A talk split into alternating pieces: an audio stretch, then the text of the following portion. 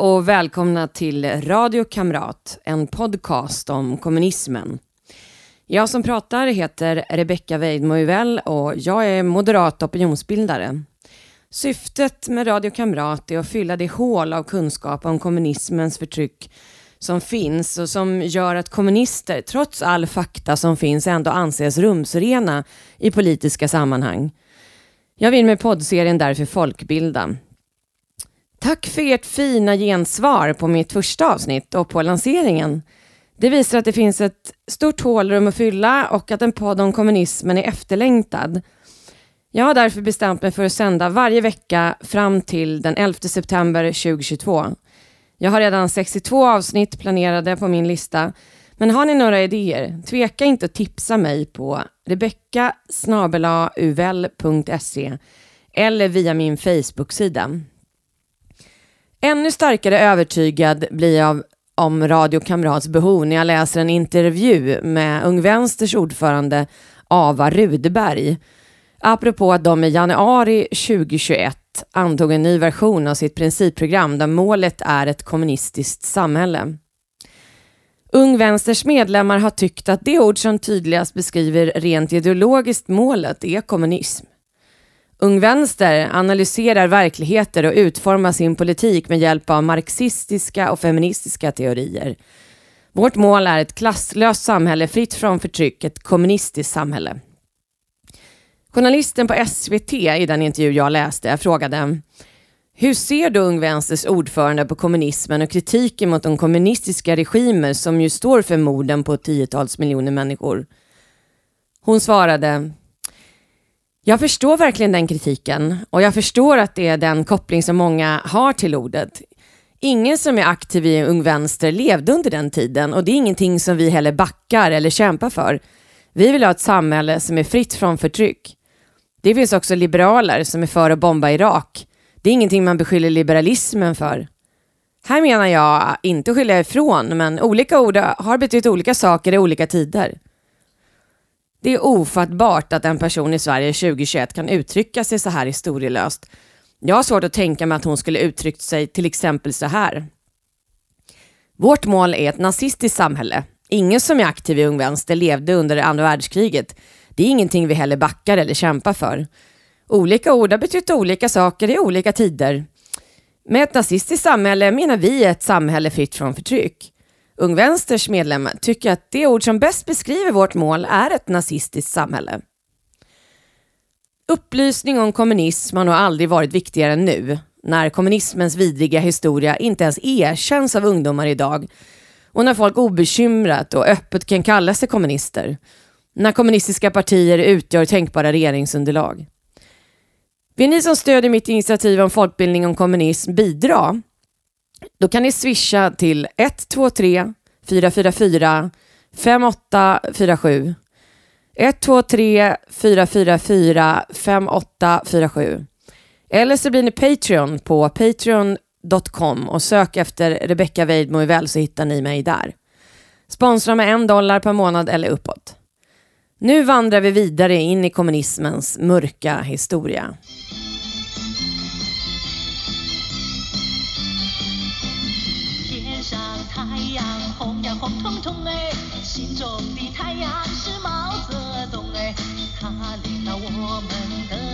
的解放哎，真的翻身当家做主人，咿呀咿自由呀呀自由啊，真的翻身当家做主人。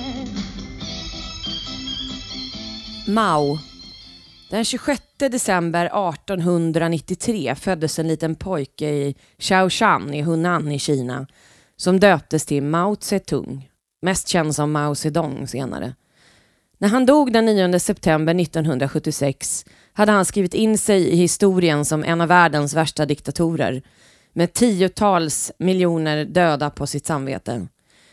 Men historien började egentligen med Xinghai-revolutionen som störtade kejsardömet för alltid. Missnöjet grodde på grund av hungersnöd, översvämningar och armod och gnistorna till revolutionen tändes 1911 i staden Wuchang. Rörelsen bestod av unga män som tog kontroll över garnisonen inklusive alla vapen i Hanyang och rörelsen spred sig sedan hastigt till provinserna Hubei och Hunan där Mao Zedong 18 år gammal bodde.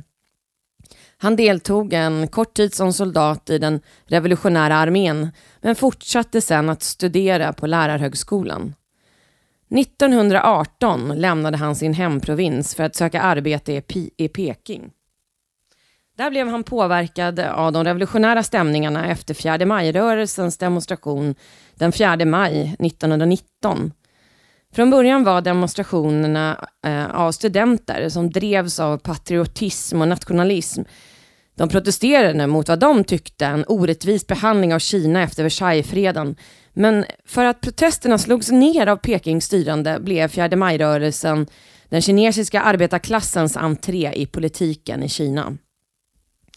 Mao återvände hem till Hunan och drogs med i krigsherren Tan Yankais rörelse för ett självstyrande Hunan, så han började sin politiska bana som nationalist. Men blev snart mer och mer intresserad av marxismen och 1921 deltog han i grundandet av Kinas kommunistparti, KKP, som skedde i Shanghai. 1923 fortsatte Maos politiska karriär när KKP på inrådan av Sovjet inledde ett samarbete med nationalistpartiet Kuomintang, även känd som Kuomintang. Partiet grundades 1912 och strävade efter att grunda en kinesisk republik baserat på en blandning av nationalism, socialism och antiimperialism. Idealsamhället skulle realiseras genom att förbereda folket för självstyre vi har tre revolutionära stadier. Militärdiktatur, förmyndarskap och slutligen direktrepublik. Och i denna process skulle folket gradvis få sina rättigheter tillbaka. 1921 träffade Kominterns representant i Kina, Henk Snevjet, som föreslog att Kuomintang skulle starta en militärhögskola för att utbilda de militärer som krävdes för revolutionen. Den nationella revolutionära armén skapades med hjälp av experter från Sovjet och Komintern uppmuntrade också ledande personer i det nystartade kommunistiska partiet att samarbeta med nationalistpartiet, vilket de gjorde. 1924 valdes Mao Zedong som suppleant i Kuomintang centralkommitté. Partiledaren för nationalisterna hette då Sun Yat-sen, men när han dog 1925 övertog militären Chiang Kai-shek ledarskapet och bröt då samarbetet med kommunisterna. 1927 inledde Chiang Kai-shek en blodig utrensning av alla kommunister i Kuomintang, vilket fick Mao och andra ledande kommunister att gå under jorden. För att organisera uppror mot Kuomintang organiserade Mao det så kallade höstskördeupproret den 7 september 1927 där han ledde en armé av bönder mot ledarna och landägarna i Hunan. Och han etablerade en sovjetisk provins i två månader innan han förlorade makten igen. Mao fick fly till Jingangbergen med resterna av sin styrka och misslyckandet stod honom dyrt. Vid ett möte med partiets politbyrå i Shanghai, det vill säga partiledningen, så avsattes Mao från sitt eh, uppdrag i partiledningen. Maos svar på degraderingen var att strunta i vad partiet ville. Han etablerade en ny bas i Jingangshang 1927 i bergen där han av fem byar skapade en självstyrande region Land beslagtogs av rika landägare som sattes i utbildningsläger eller avrättades. Här fortsatte han bygga på sin beväpnade styrka och rekryterade bönder men även grupper av banditer till en cirka 2000 soldater stor armé av mestadels bönder som han hårt drillade i sina principer. Total underkastelse av order, konfiskering av alla tillgångar skulle direkt lämnas till, centralt till ledningen och ingenting fick tas från fattiga bönder. En bit i taget la Mao pusslet som skulle leda honom till ledare över hela Kina. Tålmodigt och obehindrat av tillfälliga nederlag. Revolution is not a dinner party, nor an essay, nor a painting, nor a piece of embroidery. A revolution is an insurrection, an act of violence by which one class overthrows another. Detta sa Mao i februari 1927. 1931 etablerade kommunistiska partiet sitt första riktiga styre i Jiangxi. Den kallades till och med kinesiska Sovjetrepubliken. Och Mao var inledningsvis ordförande. Det var i Jiangxi kommunisterna för första gången genomförde sina försök att omdana Kina. I november 1931 stiftade de en lag om jordreform som exproprierade all mark från rika bönder till fattiga bönder och jordlösa. Den, de togs med våld om de inte lämnades över frivilligt. Sovjetrepubliken varade till 1934 då nationalistledaren Chiang Kai-sheks styrkor tog tillbaka kontrollen. Och 100 000 kommunister lämnade då provinsen för att hitta en ny bas. Det var det som kallades den långa marschen. En serie reträttmarscher Röda armén genomförde mellan 1934 och 1935 för att undkomma Kuomintangs nationella revolutionära armés omringning av Jiangxang-provinsen. Beslutet att retirera togs av dåvarande partiledningen för kommunistiska partiet, Bogu, Zhou Enlai och Louis Fu, i samråd med Komintern-rådgivaren Otto Braun. Mao Zedong befann sig fortfarande utanför partiledningen och fick inte reda på uttåget förrän marschen inletts. Han fick då partiets tillåtelse att ta med sin fru, He Zizhen, men deras tvåårige son tvingades de lämna hos en bondefamilj. Den Röda armén bestod 1934 av 86 000 personer ungefär som delades upp i fem armégrupper, två fältkolonner. De gick mot området där provinserna Hunan, Guangxi och Guizhou möts och man bedömde att nationalistarmén hade relativt få befästningar där. I Zunyi stannade man och höll ett möte för att diskutera partiets strategi och då lyckades Mao Zedong övertala delar av ledningen, bland andra Zhou Enlai, att gå över till hans sida medan den kom internvänliga sidan med Bo Gu och Otto Braun förlorade sina uppdrag. Marschen kantades av strider mot nationalistarmén. Vissa blev legendariska, bland annat slaget vid Ludong som utgjort en mytomspunnen del av partiets historia. Boken Mao the Unknown Story som kom ut 2005 hävdar att slaget vid Ludong aldrig ägde rum och att Mao och andra partitoppar inte gick själva utan bars. Enligt boken finansierade Mao sin väg till total makt genom opiumförsäljning, som man inte bara tolererade, utan såg till att partiet var delaktiga i. 60 miljoner dollar per år hävdas i boken att opiumet gav partiet. Först 1935 slog man sig ner i provinsen Shanxi för att etablera en ny bas. Staden Yan'an valdes på grund av sin närhet till Sovjetkontrollerade Mongoliet och det strategiska läget vid Gula floden, så att sovjetiska vapen och material lätt kunde transporteras via Transsibiriska järnvägen vidare genom Mongoliet och sedan fraktas på floden. Men det var mycket färre soldater som anlände än som lämnade Jiangxi. Om det inte hade varit för att japanerna anföll Kina kanske det hade fortsatt vara så. Japan ställde sig som bekant på Hitlers sida i andra världskriget och hade tänkt sig att passa på själva. Massakern i Nanjing 1937 är på många sätt fortfarande ett öppet sår för kineser. Då japanska armén dödade 200 000 människor i den då regerande huvudstaden som stod under Kuomintangs styre. Massakern skedde under en sexveckorsperiod då man också uppskattade att 20 000 kvinnor våldtogs av japanska soldater. Den japanska brutaliteten fick bieffekten av att mängder med kineser plötsligt valde att gå med i Röda armén och den växte från 50 000 till 500 000 personer på kort tid. Man byggde då en allians med Kuomintangs armé för att bekämpa japanerna.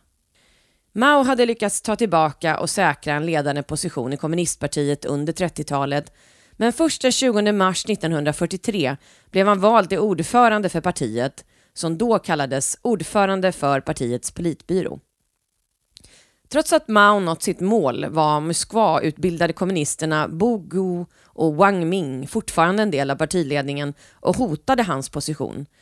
För att få partiet enhälligt bakom sig lät Mao, som aldrig skytt några medel för att uppnå makt, säkerhetsexperten Kan Cheng sätta igång den så kallade korrigeringsrörelsen som attackerade de intellektuella som sökt sig till partiet, många vilka ifrågasatte ledningens livsstil och politik. Människor som backade Bogu och Wang Mings falang. Man strävade efter att likrikta kulturen i partiet och få en enhetlig ideologisk skolning. Detta gällde även konst och kultur som måste tjäna revolutionen och där de politiska kriterierna överordnades det konstnärliga. Det vi kräver är en enhet av politik och konst, enhet av innehåll och form, enhet av revolutionärt politiskt innehåll och en så fulländad konstnärlig form som möjligt, sa Mao i ett tal 1942.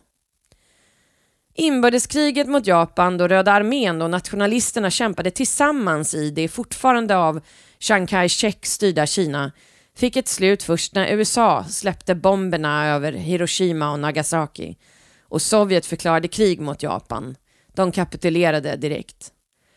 Ett vakuum uppstod då kommunisterna såg sin chans att öka sitt territorium och på bara några veckor gick de från 116 områden till 175 som de kontrollerade. För att förhindra ett nytt inbördeskrig lyckades USA medla, vilket resulterade i att Chang erkände kommunisterna som legitimt parti medan Mao erkände nationalisternas fortsatta regering enligt den så kallade 10 oktober-överenskommelsen. Men den bröt samman, inte ens ett år senare. Strider bröt ut och efter ett år mellan 1947 och 1948 vann kommunisterna och deras armé, som döps om till Folkets befrielsearmé, slaget om Manchuriet och de kunde kort därefter även ta Peking den 22 januari 1949.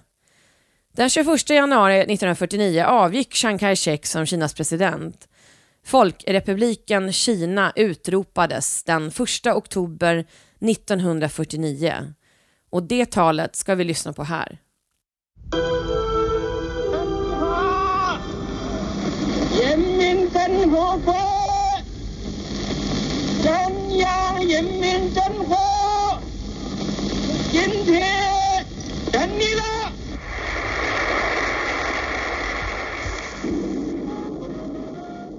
Den 10 december 1949 flydde Chang med resten av sina trupper till Taiwan. Han fortsatte att hävda att han var Kinas legitima president till 1971. Nationalisterna innehade Kinas plats i FN till det året. I ett tal den 30 juni 1949 förklarade Mao att Kina måste alliera sig med Sovjet, med folkdemokratierna och med proletariatet och de breda folkmassorna i alla länder och bilda en internationell enhetsfront. Sovjets ledare hette vid tidpunkten Josef Stalin. Ett halvår senare reste Mao till Sovjet för att träffa Stalin efter att Folkrepubliken utropats, inbjuden av Stalin personligen. Den 23 januari gick Kina och Sovjet ut med att de slutit en 30-årig allians mot anfall från Japan eller från någon annan stat som kunde tänka samarbeta med Japan. En slags motsvarighet till de allierades Atlantpakten. Dessutom gav Sovjet Kina en fördelaktig kredit på 300 miljoner dollar mot bara 1 procents ränta. Flottbasen Port Arthur övergick till kinesiskt ägande. Shanshun-järnvägen återlämnades och några kinesisk-sovjetiska samarbetsbolag upprättades för att bland annat exploatera naturtillgångar i Xinjiang. Många historiska händelser tog plats vid tidpunkten. För den 25 juni 1950 anföll den nordkoreanska ledaren Kim Il-Sung Sydkorea och Koreakriget var igång. Kim Il-Sung hade fått Maos och Stalins stöd för ett angrepp. I oktober skickade Mao trupper till Sydkorea för att hjälpa Kim Il-Sung som var tillbakapressad. Maos stora första reform som ledare för den nya republiken var landreformen han inlett redan under inbördeskriget då rika bönders mark gavs till fattiga bönder och som skaffade honom ännu större support och partiet fick fattiga bönder med hjälp av partifolk att organisera direkta och våldsamma attacker mot den ägande klassen. Vissa stenades till döds. Efter skapandet av Folkrepubliken tog Mao upp eh, landreformen igen och utökade den till nationell nivå. De som ägde mark hade inga rättigheter och de som etiketterades rika bönder av partiet fick visst skydd mot våld. De övriga, som av partiet utsågs till vanliga bönder och fattiga, hade fullt skydd. Med andra ord, ägde du mark var du rättslös. Mao insisterade på att människor själva och inte säkerhetsstyrkor skulle utföra våldet mot landägarna för att han trodde att de bönder som själva dödade landägarna skulle bli mer personligt engagerade i revolutionen än passiva åskådare blir. Historiker uppfattar landreformen snarare än att distribuera land från rika till fattiga att det mest handlade om att bli av med lokala maktinnehavare och fiender till partiet, de som kallades fiender till arbetarklassen.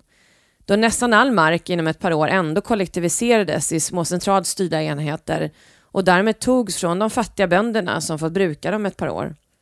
På ställen där det inte fanns rika landägare fabricerade partiet fram dem. Till exempel i byn eh, Wugong, där 70 hushåll av totalt 387 konverterades från mellanbönder till rika bönder och därmed gjorde dem delvis rättslösa. För att uppnå klasskampen hittade partiet minst en rik bonde som de kunde döma till döden för att statuera ett praktiskt exempel. Man uppskattar att bara i Guangxi-provinsen dödades 180 till 190 000 landägare. Vissa dömda landägare begravdes levande och stympades. Andra ströps eller sköts. Fruarna till landägare togs som sexslavar, gavs som döttrar till bönder eller prästades att gifta om sig med en man från partiet. Landreformen pågick mellan 1949 och 1953 och man uppskattar att så många som 2-5 miljoner människor mördades under den tiden. Ytterligare en och en halv till 6 miljoner människor skickades till utbildning genom arbeteläger, det vill säga arbetsläger där många försvann. Arbetslägren kallades Laogai, vilket ungefär betyder reformering genom arbete. Ofta var dessa fängelser fabriker där fångarna producerade allt från te till industriella maskiner. Kina döpte om dem till fängelser 1994 och även idag producerar dessa arbetsfängelser varor som säljs på världsmarknaden. Maos nästa drag var att få bort kapitalisterna från städerna. Han initierade därför Three Anti-Campaign och Five Anti-Campaign.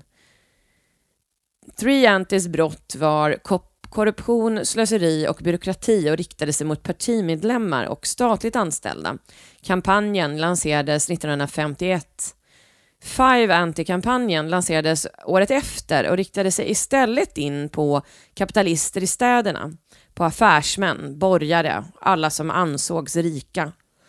Deras brott var mutor, stöld av statlig egendom, skattesmitning, fuskande av statliga kontrakt eller stöld av statlig ekonomisk verksamhet. Kampanjerna syftade till att skapa ett angiverisamhälle där anställda kallade på sina chefer och kollegor, människor angav sina grannar, släktingar och till och med makar. I februari 1953 gick massa människor i parader för att knacka på hos olika kapitalister i Peking. Taktiken handlade framför allt om psykologi och att skapa press på befolkningen. De utpekade förödmjukades i långa förhör tills de erkände brotten. Mao krävde att de värsta brottslingarna avrättades direkt medan de lindrigare fallen skickades till arbetsläger. Man uppskattar att hundratusentals tog livet av sig. I Shanghai blev självmord genom att hoppa från höga hus så vanligt att folk började undvika att gå på trottoarerna. 1953 kom Maos första femårsplan som syftade till kinesisk självhushållning inom jordbruk för att kunna bli en supermakt. Med hjälp av Stalins Sovjet byggdes industrier upp. 1956 lanserade han De hundra blommorna. Det var en kampanj i syfte att få folk att öppet kritisera regimen och partiet Utåt sett sa man att man lyssnade på kritiken, men förmodligen ville man bara locka fram alla kritiker i ljuset. Bara ett år senare hade debatten blivit så livlig att Mao i februari 1957 stängde kampanjen och över 500 000 personer stämplades som högerelement. Många av dem förvisades till landsbygden, degraderades eller trakasserades på olika sätt och stämpeln högerelement hängde med resten av deras liv. 95 procent av folket är goda, sa Mao och skälet varför partiet började leta upp de 5 procent som inte var det för att döda dem. Många hundratusen avrättades. 1958 förbjöds privat ägande helt och hållet och all mark och bönder organiserades i statliga kollektiva jordbruk. Den andra femårsplanen kom 1958. Den kallades Det stora språnget och skulle ta Kina från ett jordbrukssamhälle till industrination. Idén var att språnget skulle frigöra produktivitetskrafter i både industrin och jordbruket så att Kina först kunde gå om Storbritannien i stålproduktion inom 15 år. Och sen knappa in på USA. Detta var ett sätt för Mao att haka på Chrustjovs ambition att Sovjet skulle gå om USA ekonomiskt. För att öka produktiviteten inom jordbruket började man projektet med att massmobilisera arbetskraft och satte upp höga produktionsmål som skulle kompensera Kinas brist på kapital. Landsbygden organiserades i statligt styrda folkkommuner som kunde utgöra 20 000 hushåll men oftast var de bara 5 000 stora och vars syfte var att organisera böndernas liv och utgöra självförsörjande enheter. Alla i folkkommunen var i klorna på en partiboss som kunde styra dem som han ville och tvinga dem att jobba när som helst, beordra dem att sova på fälten, ta bort deras matransoner etc. Ingen fick laga mat och äta i ett hem med sin familj, utan alla åt i kollektiva matsalar. Folks personliga egendomar som kastruller, stekpannor etc. konfiskerades. De kollektiva jordbruken fick stora beting de skulle producera och det uppstod en slags tävlan mellan de som styrde jordbruken att överträffa varandra. Partiet tvingade också kommunerna att testa en rad olika obeprövade och ovetenskapliga nya metoder att odla på. Men framgången uteblev helt och den förväntade produktionsökningen kom inte. Om man hade till exempel utrotat naturliga fiender till skadedjur som gräshoppor under The Four Pests-kampanjen, där bland annat alla sparvar av Mao kommenderades att dödas då de åt upp skörden. Faktum är att alla fåglar beslutades vara Birds are public animals of capitalism. Så när stora gräshoppssvärmar kom 1958 så tog de mycket av skörden. 15 procent föll produktionen 1959 och sen ytterligare 10 procent 1960 och lika dåliga resultat året efter.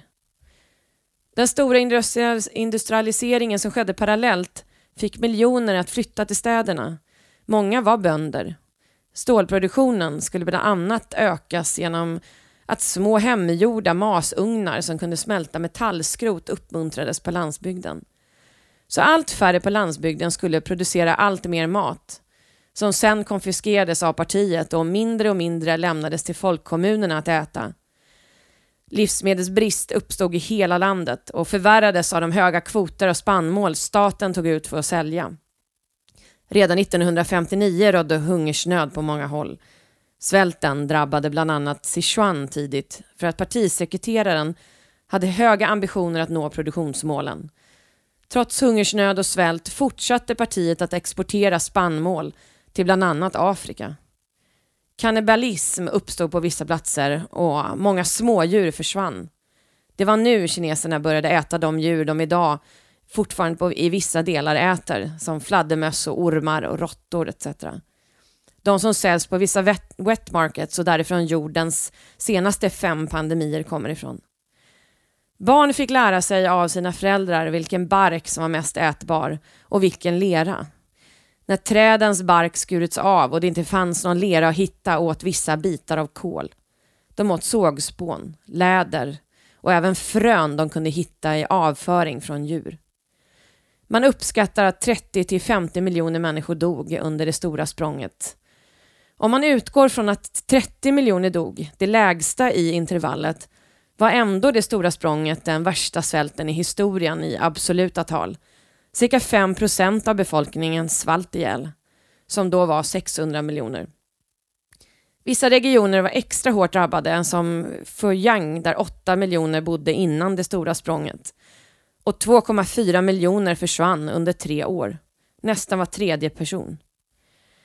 Ironiskt nog fick Mao efter att ha utrotat sparvarna och ruckat hela ekobalansen som höll på att förstöra jordbruket bland annat importera 250 000 sparvar av Sovjet och plantera in i Kina igen.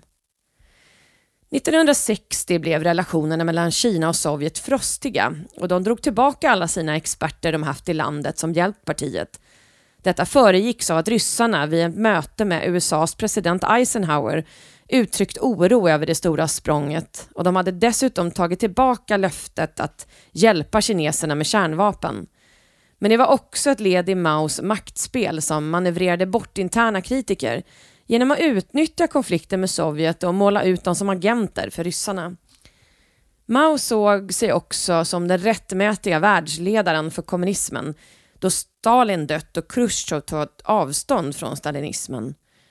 1962 fördjupades splittringen då Mao kritiserade Sovjet för att ha gett efter i Kubakrisen och 1964 avbröts relationerna. Den sista stora reformen Mao införde var kulturrevolutionen. Den inleddes 1966 och hade sin mest intensiva fas till 1969 men slutade helt 1976. Syftet var att avlägsna makthavare som enligt Mao slagit in på den kapitalistiska vägen och skapat en ny kultur i Kina som skulle passa ett, ett socialistiskt samhälle. Varje generation måste sedan genomföra revolutionen igen för att säkra att kulturen är helt i linje med det socialistiska drömsamhället. Som mycket Mao gjorde handlade det egentligen om att säkra sin egen makt. Konstnärer och intellektuella hade enligt honom fått för mycket frihet eftersom den kunde öppna för kritik mot honom och kommunismen. Brytningen med Sovjet fick honom också att börja bli orolig för att Kina efter hans egen död skulle gå samma väg som avstaliniserade partiet när Chrusjtjov tog makten och tog avstånd från Stalin. Startskottet för kulturrevolutionen var en opera Wuhan skrivit och som anklagades av partiet vara kontrarevolutionär 1965. Hela partiet måste följa kamrat Mao Zedongs instruktioner, hålla den proletära kulturrevolutionens stora fana högt, grundligt avslöja den reaktionära borgerliga hållningen hos de så kallade akademiska auktoriteter som motsätter sig partiet och socialismen. Grundligt kritisera och tillbakavisa alla reaktionära borgerliga idéer inom det akademiska arbetet, undervisningen, journalistiken, litteraturen, konsten och förlagsverksamheten och gripa ledningen inom dessa kulturella områden. För att uppnå detta måste man samtidigt också kritisera och tillbakavisa de representanter för bourgeoisen som har smugit sig in i partiet, i regeringen, armén och kulturens alla områden och rensa ut dem. Eller överföra en del av dem till andra poster. Framför allt får vi inte anförtro uppgiften att leda kulturrevolutionen åt dessa människor Faktiskt har många av dem ägnat sig åt och ägnar sig fortfarande åt sådana uppgifter och den saken är synnerligen farlig. Detta kommer från ett cirkulär från Kinas kommunistiska partis centralkommitté den 16 maj 1966. Nyheten om maktkampen i partiet som föregick kulturrevolutionen spred sig till universiteten i huvudstaden Peking och i maj 1966 satte en lärarassistent upp en affisch på Peking-universitetets campus där hon kritiserade ledningen för universitetet att inte låta studenterna vara delaktiga i kulturrevolutionen. Detta blev ett slags startskott för en maoistisk studentrörelse som spred sig snabbt till olika studentgrupper även på gymnasiet. Många av de mest radikala kallade sig rödgardister och anklagade partiapparaten på sina skolor för att vara revisionister. Den enda användbara metoden i den stora proletära kulturrevolutionen är att massorna befriar sig själva och metoden att handla för massornas räkning får inte användas. Lita på massorna, stöd på dem och visa aktning för deras initiativ. Befria er från rädslan. Hys ingen rädsla för oordning. Ordförande Mao har så ofta sagt oss att revolutionen inte kan vara så till den grad förfinad, mild, måttfull, godsint, hövlig, tillbakadragen och storsint. Massorna måste få fostra sig själva i denna stora revolutionära rörelse och lära sig att skilja mellan äkta och falskt, mellan det korrekta och det felaktiga sättet att göra något.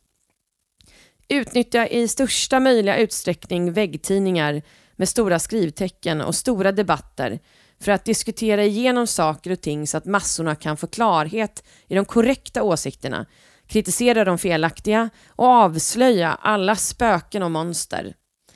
På så sätt blir massorna i stånd att under kampens gång höja sin politiska medvetenhet, befrämja sina färdigheter och talanger, skilja mellan rätt och orätt och dra en klar skiljelinje mellan fienden och oss.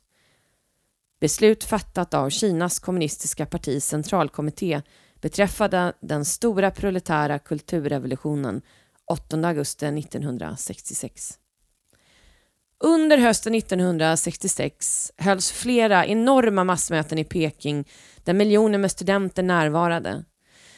Kulturrevolutionens främsta officiella mål, att utrota det feodala, borgerliga och det så kallade revisionistiska tänkandet i hela det kinesiska samhället och ersätta det med kommunism, spreds. Tidigare hade den kinesiska kommunismen begränsat sig till statsapparaten och produktionsmedlen, men Mao med hjälp av rödgardisterna och andra radikala politiker bakom sig, de som senare kom att kallas de fyras gäng, fokuserade nu på de intellektuella och lärare som skulle ha förrått den gamla revolutionen. Under flera år upphörde helt den högre utbildningen att fungera. Enligt Mao hade borgarna infiltrerat staten och samhället med målet att återinföra kapitalismen och insisterade på att revisionisterna skulle avlägsnas med en våldsam klasskamp. Röda brigaderna, bestående av mestadels studenter och intellektuella samt arbetare i städerna, etablerade rebellgrupper runt om i landet som med våld tog makten från partisterna lokalt och etablerade revolutionära kommittéer runt om i landet 1967.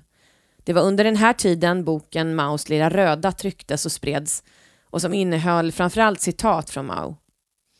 Kulturrevolutionen var full med enormt våld med start röda augusti 1966. Som Guangxi-massakern där 100 till 150 000 döda uppskattas. Folk blev halshuggna, slagna till döds, levande begravna, stenades, dränktes, kokades levande eller styckades.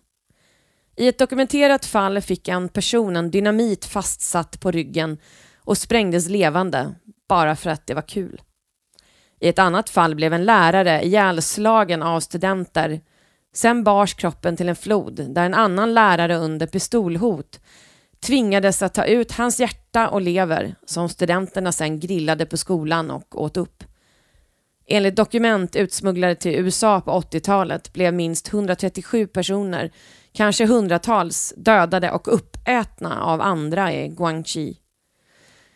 Som namnet antyder fokuserade kulturrevolutionen sig också på själva konsten och mer än 2600 konstnärer av olika slag förhördes, trakasserades och spärrades in och många dog. Bara några få utövare av konstarter, inklusive författare, fick tillåtelse att utöva sitt yrke. 1972 började detta lättas upp. Det var under den här tiden propagandakonsten dominerade detta, kulturrevolutionen, det skedde parallellt med att Pol Pot i Kambodja som utbildades av Maos parti formerade sina liknande tankar i bergen och i djungeln i den delen av Kambodja som vetter mot Vietnam och planerade sin revolution som jag tog upp i avsnitt 1. Bara kulturrevolutionen uppskattas ha mördat upp mot 20 miljoner kineser. Det är svårt att uppskatta totala dödssiffror under Mao, men siffror på 40 till 80 miljoner döda är sannolika. Enligt dokument från Princeton University publicerad 1994 är siffran närmare 80 miljoner. Men osäkerheten består på grund av att Mao medvetet inte förde statistik och hade arkiv, som Stalin, Pol Pot och Hitler till exempel hade. Mao Zedong dog den 9 september 1976, 82 år gammal. 1978 tog Deng Xiaoping över ledarskapet och började gradvis arbeta bort Maos reformer, inklusive kulturrevolutionen. Han initierade sedan den historiska öppningen av Kina 1981 då man samtidigt konstaterade att kulturrevolutionen var ansvarig för den period när kommunistiska partiet, landet och befolkningen tagit mest skada sedan bildandet av republiken. Nu är avsnitt två slut eh, och jag tackar för att ni har lyssnat. Vill ni stödja det här projektet om upplysning om kommunismen så kan ni swisha till 123 444 5847 123 444 5847 eller bli Patreon på patreon.com och sök efter Rebecka Weidmo så hittar ni mig där. Sponsra med en dollar per månad eller uppåt. Nu tackar jag för mig eh, och på återseende.